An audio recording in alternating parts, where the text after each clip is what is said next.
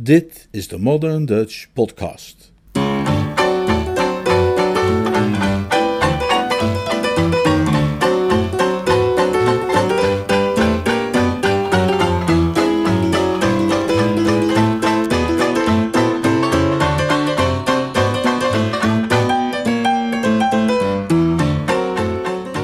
...15 oktober is de geboortedag van P.G. Woodhouse... ...en daarom wordt altijd rond deze tijd een van de drie jaarlijkse bijeenkomsten van de P.G. Woodhouse Society gehouden. En ter gelegenheid daar weer van, dan vandaag maar weer eens een podcast van Modern Dutch. En wel, om precies te zijn, een pastiche ter ere van de meester. Dat lijkt me gepast. Die pastiche is afkomstig uit de bundel First Date Ever uit 2020, geschreven door Daniel Kopkov, een Amerikaanse schrijver en minor author van voornamelijk verhalen. Van huis uit is hij een chemicus die werkt in de milieutechnologie en hij woont in Ithaca, New York. Ik heb wat van zijn verhalen gelezen en hij blijkt een kennelijke voorkeur te hebben voor absurditeiten, voor het bizarre en allerlei vormen van fantasy. Maar in zijn jongste bundel staat dus ook deze niet onaardige pastiche van uh, Woodhouse. Als ik zeg niet onaardig, dan bedoel ik dat hij op veel plaatsen inderdaad wel de juiste toon weet te treffen. Op een pastiche is natuurlijk altijd wel van alles aan te merken voor kenners van de gepasticheerde auteur, maar laat ik maar eens niet te veel zeuren. Het verhaal is wat minder subtiel dan we van Woodhouse gewend zijn en er zitten hier en daar wel wat onhandigheidjes in, in met name de dialogen, die ik bij het vertalen wat heb geprobeerd recht te breien. Maar het is zeker een leuk verhaal om kennis van te nemen en aan de verzameling toe te voegen. Hier en daar is te merken dat Daniel Kopkov een Amerikaan is en niet een Engelsman. Zo noemt hij aan het begin van het verhaal de hoofdpersoon Conway Blitherton en laat hem aan het eind van het verhaal door zijn persoonlijke bediende Lord Conway noemen. Ik weet niet of dat wat titulatuur betreft wel helemaal klopt. Verder is duidelijk dat Kopkov ook in dit verhaal zijn voorkeur voor het absurde niet helemaal heeft weten te bedwingen, waarin hij wat verder gaat dan Woodhouse gedaan zou hebben. Het feestelijke gerecht dat aan het eind van dit verhaal ter sprake komt, is ook wel iets zeer Amerikaans, waar het met kerstmis en dergelijke feestdagen nog wel eens wordt gegeten. Al moet het in het verleden ook in Engeland een variant hebben gehad, dit wonderlijke gerecht. Ook in de Oosterse keuken komt het nog wel voor, maar vreemd blijft het. En al met al meer typisch Amerikaans dan Engels en daarmee niet uitgesproken iets Woodhouseiaans. Maar goed, oordeel zelf.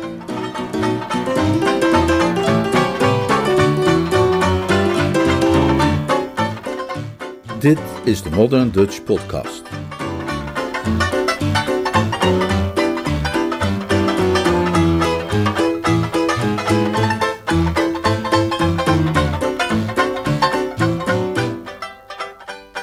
De dappere verovering van Emily.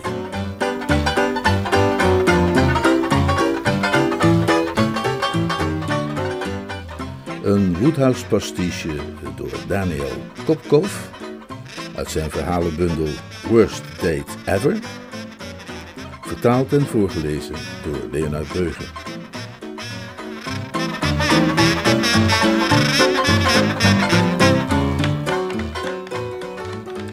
Conway Blitherton, Connie voor zijn vrienden, was het schoolvoorbeeld van een Londense vrijgezel voorzien van ruime middelen. Die middelen waren hem toegevallen in de vorm van een welhaast overdadige erfenis van een verre tante, dankzij het feit dat Connie's ouders al waren overleden toen hij nog maar juist een korte broek droeg.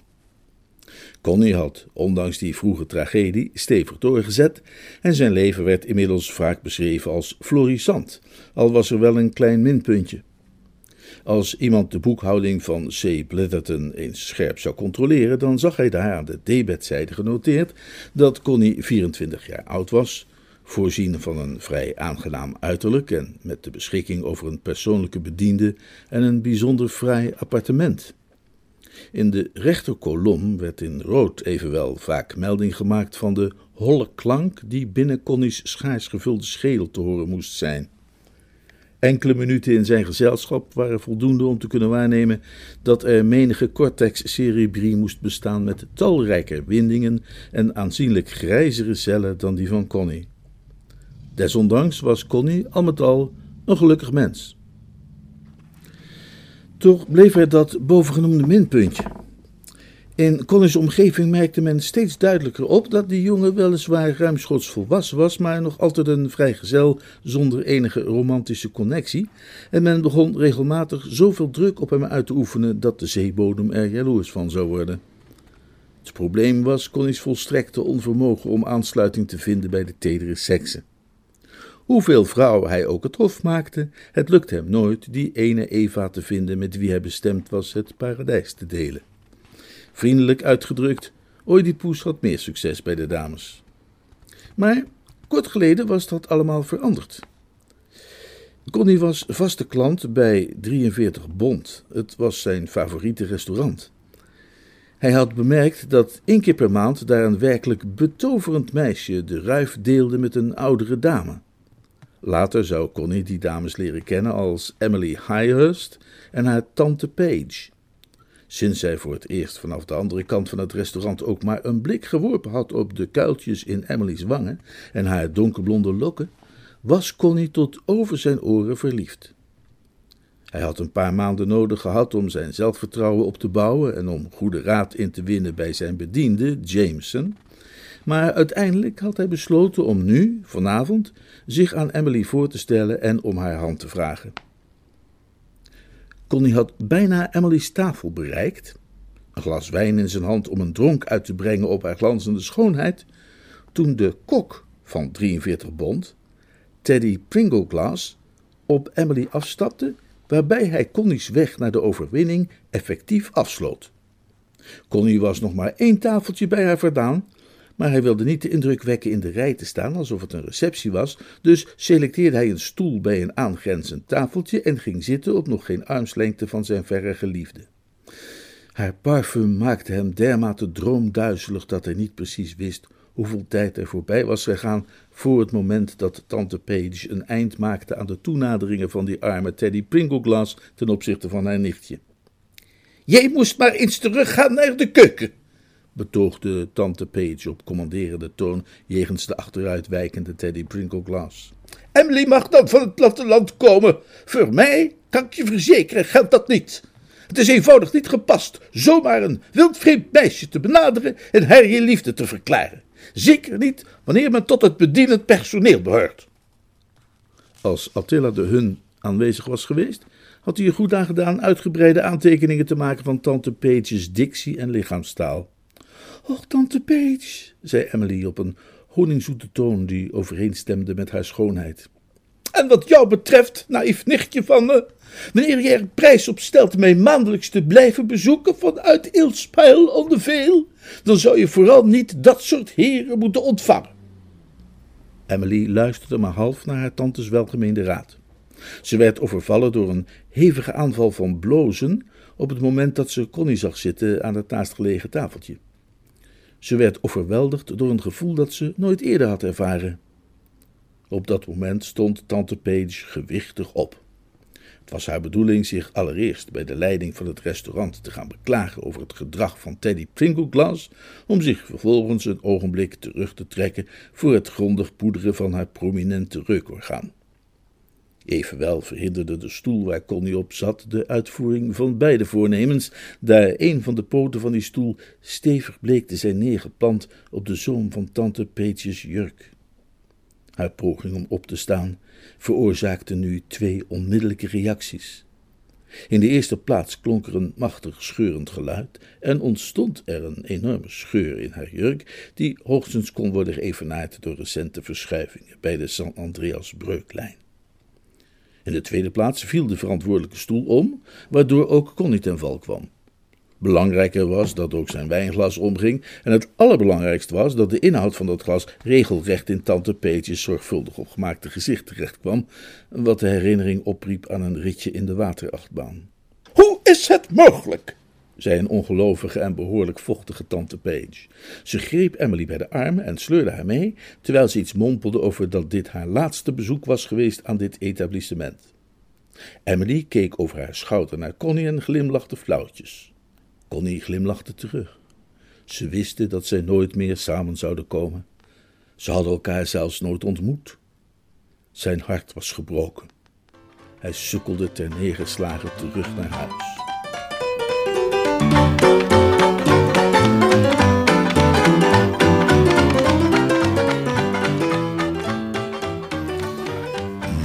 hoogst ongelukkige gang van zaken, meneer.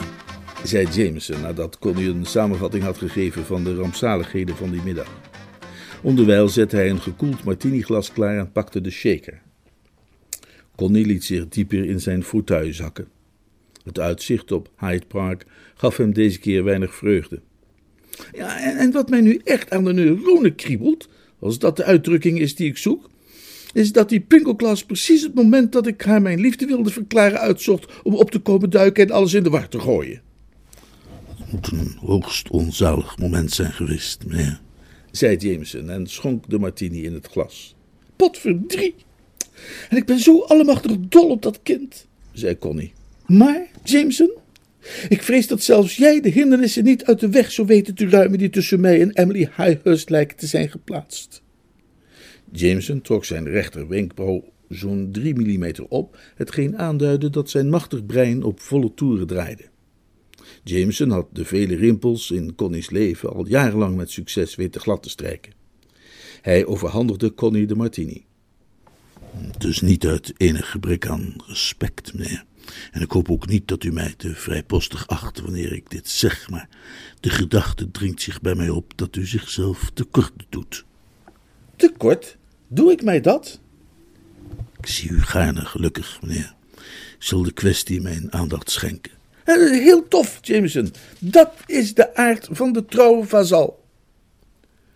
Connie nam een teugje van de altijd verkwikkende martini en zijn stemming klaarde meteen op. Je hebt ook gelijk, Jan Dori. Ik ben uit taaier hout gesneden dan de gemiddelde afgewezen minnaar. Je woorden steken mij een hart onder de riem, of, een, nou ja, of andersom, dat weet ik nooit. Ik laat het anders verder maar aan jou over. Eet zeewier als het nodig is. Ik, ik heb gehoord dat zeewier wonderen doet voor de optimalisatie van het intellect, als dat de juiste term is. De rest van de dag bracht Connie door op zijn club, waar hij darts speelde met zijn makker Stilton, terwijl hij onderwijl aan Emily dacht. Zijn dromerige toestand leidde tot het verlies van tien pop en herhaald doktersbezoek van Stilton ten gevolge van de drie darts die Connie deed belanden in Stiltons bovenbeen, rug en romp. Hé hey daar, Jameson, heb je al een plan uitgebroed of ben je nog in de incubatiefase? vroeg Connie toen Jameson bij thuiskomst zijn hoed, zijn jas en zijn handschoenen aannam. Er is een wijze van aanpakken die succes belooft. zei Jameson. Heel goed, heel goed, zei Connie. En, die betreft Emily? Voorzeker, meneer. U zult zich herinneren dat Miss Emily Highurst woont te Ilspil on the Vale, een plattelandsdorpje. Ik heb inlichtingen ingewonnen en ontdekt dat de jaarlijkse streekmarkt dit weekend plaatsvindt in precies dat dorp. Hoogtepunt van het programma bij die streekmarkt blijkt te zijn de verkiezing van de fraaiste boerderijdieren. Ik heb voor u, als aanzienlijk heer uit Londen, een plekje kunnen regelen als lid van de jury bij die competitie. Connie luisterde aandachtig naar zijn woorden, die wat moeizaam doorcijpelden. Het was alsof hij probeerde te roeien op de Theems, waarbij zijn riemen maar geen contact kregen met de rivier. Nou, neem me niet kwalijk, Jameson, maar wat, wat ging ik daar nu precies doen? Het is mij ter oor gekomen dat de Highhursts diverse exemplaren van hun levende haven hebben ingeschreven voor de keuring. zei Jameson. Men mag aannemen dat het op Miss Emily stellig een goede indruk maakt wanneer een heer kennis en vaardigheid toont in dergelijke zaken. De riemen plonsden eindelijk in het water. Ah, ja, nee, ik snap het. Geweldig. Eh, heel goed bedacht, Jameson. Dank u, meneer. Eh, Dan, dan neem ik het hier van je over, hè? zei Connie. Hij stond op en begon door de kamer heen en weer te lopen. Zijn hersenstelsel draaide nu op vol vermogen. Dat, dat plan is de eenvoud zelf. Eh, Stap 1. Emily en haar familie onder de indruk brengen van mijn kennis met betrekking tot boerderijdieren. Stap 2. Dusdanig knoeien met de beoordelingen dat de Highhursts die verdomde wedstrijd winnen. En stap 3. Het aanleggen met Emily. Correct, meneer. Jameson, je bent een wonder. Men streeft ernaar tevredenheid te kunnen bieden, meneer. En de buitenlucht zal ons goed doen, zei Connie. Er is een klein obstakel, meneer. Misschien mag ik dat even toelichten. Connie ging weer zitten. Er waren altijd obstakels wanneer het ging om de tedere seksen.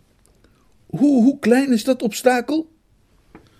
Wanneer men oplettend toehoort in de plaatselijke tapperij, verneemt men een weelde aan informatie omtrent de omliggende buurtschappen en hun bewoners. Ja, ja? Lord Highurst streeft ernaar zijn dochter Emily een huwelijk te laten sluiten met iemand die zeer bemiddeld is, zei Jameson. Nou, dat is mooi.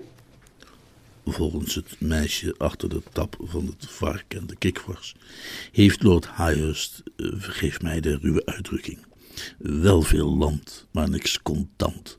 Hij zoekt voor zijn dochter een echtgenote die hem uit de rode cijfers kan helpen. Nou, dat komt dan goed uit, hè? Veel contant, maar niks geen land, dat ben ik. Goh, Jameson, dat liedje klinkt steeds vrolijker. Maar, zeg op, dat piepkleine obstakeltje waar je het over had, dat voel ik toch wel boven mijn hoofd hangen als het zwaard van hoe heet hij?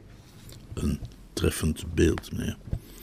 Afgezien van de vereiste kwaliteiten van de huwelijkskandidaat, zoals ik die juist beschreven is Lord Highurst ook erg gesteld op Miss Emily en zoekt hij voor haar een man die beschikt over de nodige persoonlijkheid en intelligentie.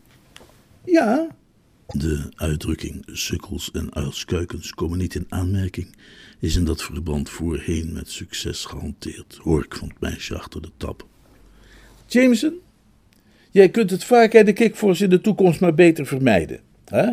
De babbels van die barmeid vertrouw ik niet. Uitstekend, meneer. Ik ben geen sukkel of uilskuiken, zei Connie, vooral om zichzelf te overtuigen. Het zijn ook geen aanduidingen die ik persoonlijk zou gebruiken, zei Jameson. Connie verwachtte niet echt een directe aanval van Pop Highhurst te kunnen pareren, maar Emily als ultieme beloning gaf hem moed. Verdomd, Jameson, ik doe het. Tref jij alsjeblieft de juiste voorbereidingen.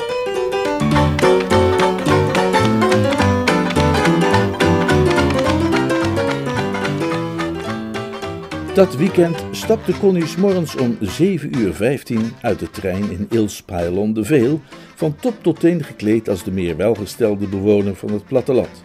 Ah, welkom, meneer, zei Jameson toen hij de deur opendeed van Connie's kamer in de Rustende Herder, de plaatselijke herberg. Jameson was daar al eerder gearriveerd om voorbereidingen te treffen. Kunnen wij even spreken? Tuurlijk, Jameson. Maar eerst even een wandelingetje. Goed, hè? Ik ben hier om de liefde van mijn leven te vinden en al dat soort dingen meer. En zij is hier in de buurt. Ik voel dat gewoon. Ja, meneer. Uitstekend, meneer. Maar wellicht toch eerst even een kort gesprekje. Een vreemd, snaterend geluid kwam uit de richting van de badkamer. Connie leek het niet op te merken. Even niet, Jameson, ik, ik ga. Ik kan niet verdragen zo dicht bij haar te zijn en toch zo ver van haar vandaan. Ik houd alleen mijn hart vast dat ik die tante tegen het lijf zou kunnen lopen. Dat zou heel onplezierig zijn. Hoewel, het zijn hier allemaal veldmuisjes natuurlijk en, en zij is een echte stadse rat. En na zijn landelijke vilthoed onder een zwierige hoek op zijn hoofd te hebben gezet, was Connie vertrokken. Jameson slaakte zijn gebruikelijke zucht. Connie dwaalde rond over de jaarmarkt. Was een prachtige dag en de frisgroene weide stond vol tenten, kraampjes en allerlei attracties, nog afgezien van alle vrolijke dorpsbewoners. Hij kwam bij de plek waar al het vee en ander gedierte was tentoongesteld. Er leek sprake te zijn van enige opschudding. Hij sprak iemand aan die erbij stond te kijken. Zeg eens, wat, wat is hier in hemelsnaam aan de hand? Nou, ik heb me een eend en een kalkoen van Lord Highest bent gestolen. de winnaars, alle drie. Vooral die kalkoen is vervelend, want die was speciaal geïmporteerd uit Amerika. Oh, hemel, zei Connie. Hij trok het zich aan alsof hij een persoonlijk verlies had geleden. Uh, kan ik misschien behulpzaam zijn? Als ik wel eens mijn sleutels kwijt ben, dan, dan weet ik die altijd heel goed terug te vinden door na te gaan waar ik allemaal geweest ben. Connie werd bij de treurende familie gebracht, die in een van de tentoonstellingstenten bijeen zat. Drie lege kooien stonden onheilspellend naast hen. Hallo zeg, het spijt me te horen van jullie verlies. Dat is behoorlijk pech, zou ik zeggen. Maar uh, misschien kan ik. Connie's adem stokte. Tussen haar ouders en haar jongere zusje in zat niemand minder dan de schone Emily. Jij, zei ze, terwijl de kleur terugkeerde op haar ivoorbleke wangen. Jij, echode hij, beduust, zo plotseling weer in haar gezelschap te verkeren. Emily, ken jij deze man? wilde Lord Highhurst weten. Het viel Connie op dat zijn toon en houding een verontrustende gelijkenis vertoonde met die van tante Page. Connie keek snel even of alle stoelen en wijnglazen in de directe omgeving voldeden aan de vereiste veiligheidsnormen. Mijn lieve Emily, zei Connie. Emily bloosde opnieuw. Pardon? informeerde Lord Highhurst verontrustend.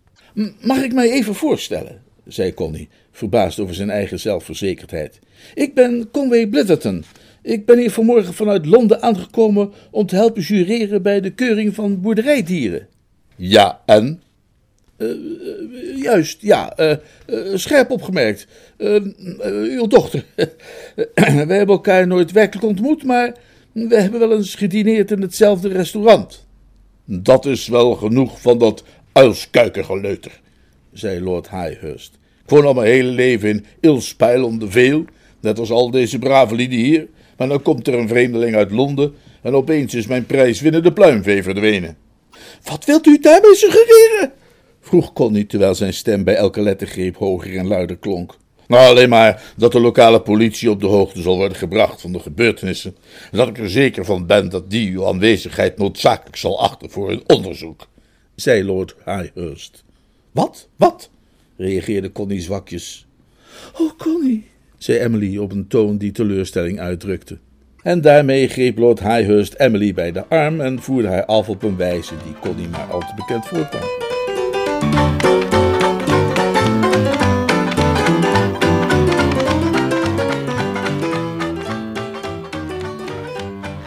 Maar dit is afschuwelijk, zei Connie. Hij ijsbeerde onder Jamesons oog heen en weer in zijn hotelkamer. Nu ben ik hier op het platteland, maar geheel en al ons Emily. Wat moet ik doen? Alles is nog niet verloren, meneer. Het kakelende geluid vanuit de badkamer was nog steeds hoorbaar. Het werd nu zelfs begeleid door een kwakend lawaai. Connie schonk er geen aandacht aan, omdat hij door belangrijke zaken in beslag werd genomen. Ach, Jameson, jij begrijpt het niet. Ze verdenken mij ervan de grote pluimveerover te zijn. Hoe kan ik die reputatie ooit van mij afschudden? Hoe kan Emily mij nu nog ooit accepteren? Jameson raadpleegde zijn zakhorloge. Ik meen dat ik een oplossing voor uw problemen kan aanreiken, meneer. Wanneer u mij nu zou willen begeleiden naar het station. Er is s'avonds maar één trein vanaf dit station naar Londen. De 21 uur 28 staat voor ons gereed. Hoewel Connie een eerste klas conflictvermijder was, kon hij zich onmogelijk voorstellen de liefde van zijn leven zomaar achter te laten. Waar heb je het over, Jameson? En van doorgaan als een ordinaire boef? Ik dacht het niet. Alleen al het schaamteloze voorstel. Als u mij alleen maar even zou willen volgen, nee. Nou, goed. Maar misschien eerst even een kopje thee? Daar hebben wij werkelijk geen tijd voor, meneer. Oh, juist. Uh, slokje cognac dan misschien? Ja. Bij het station aangekomen voelde Connie zich nog verder in de hoek gedreven, daar het plaatselijke politiebureau er pal naast gevestigd bleek te zijn. Ook gij, Jameson?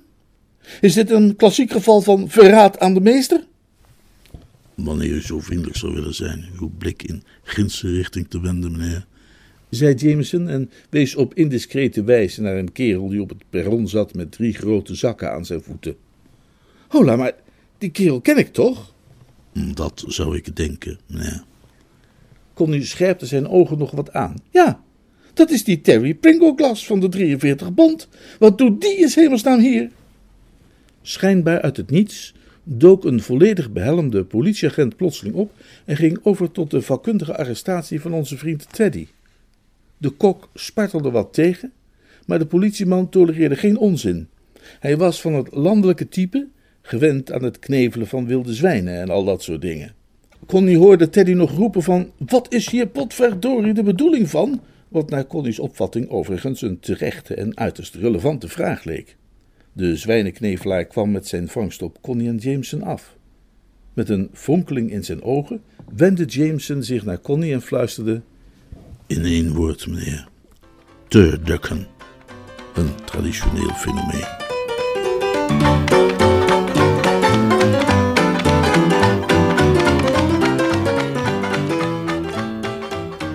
Emily en haar familie hadden zich verzameld in de gelachkamer van de rustende herder, samen met de zwijnenknevelaar Teddy en uiteraard Connie en Jameson. Och, alsjeblieft, Jameson, drong Lord Highhurst aan. Ja, Jameson, benadrukte ook Connie, pluis dit nu eens voor ons uit elkaar.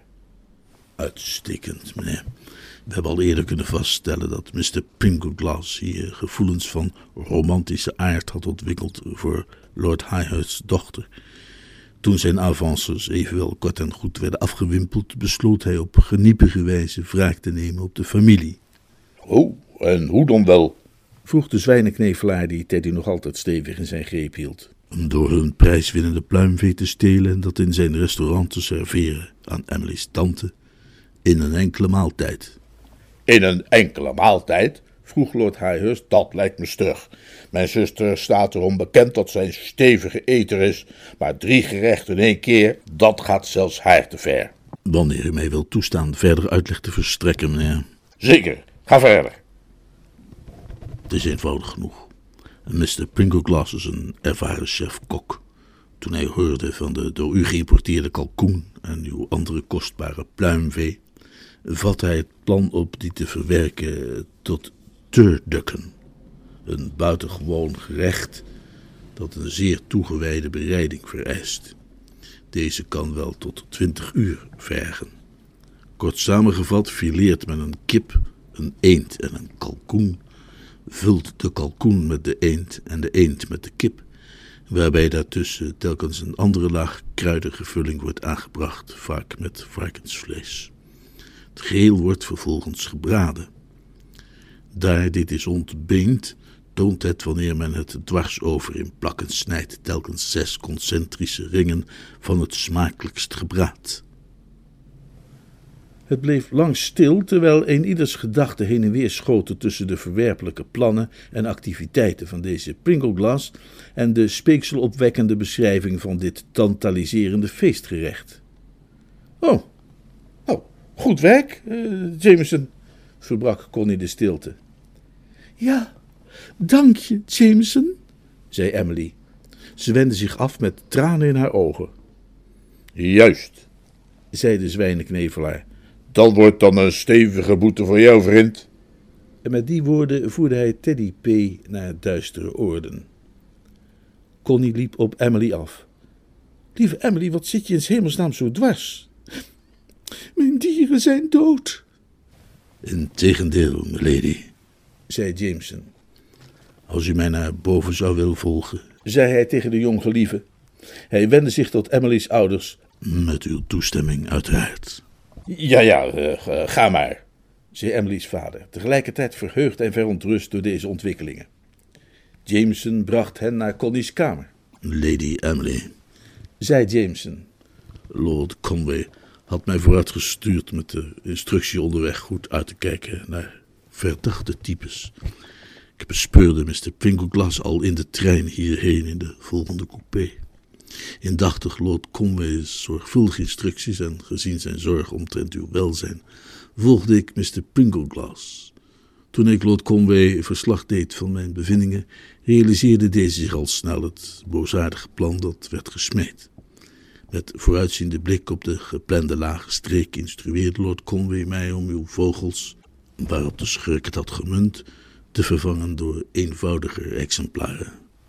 Wat, wat, wat? informeerde Connie. Uh, wacht eens even, Jameson. Wat, wat, wat, wat deed ik? Ik meen dat deze aan u toebehoren, zei Jameson tegen Emily terwijl hij de badkamerdeur opendeed. En daar waggelde een verdwaasde kip en een dito eend en kalkoen naar buiten. Oh, Connie, zei Emily. Ze sloeg haar arm om hem heen en kuste hem hevig. Die dieren betekenen zoveel voor mij. Hoe wist je dat? Ah, wij slimme vogels. Everything that ever grew. The goose and the gander and the gosling too. The duck upon the water when he feels that way too says quack, quack, quack.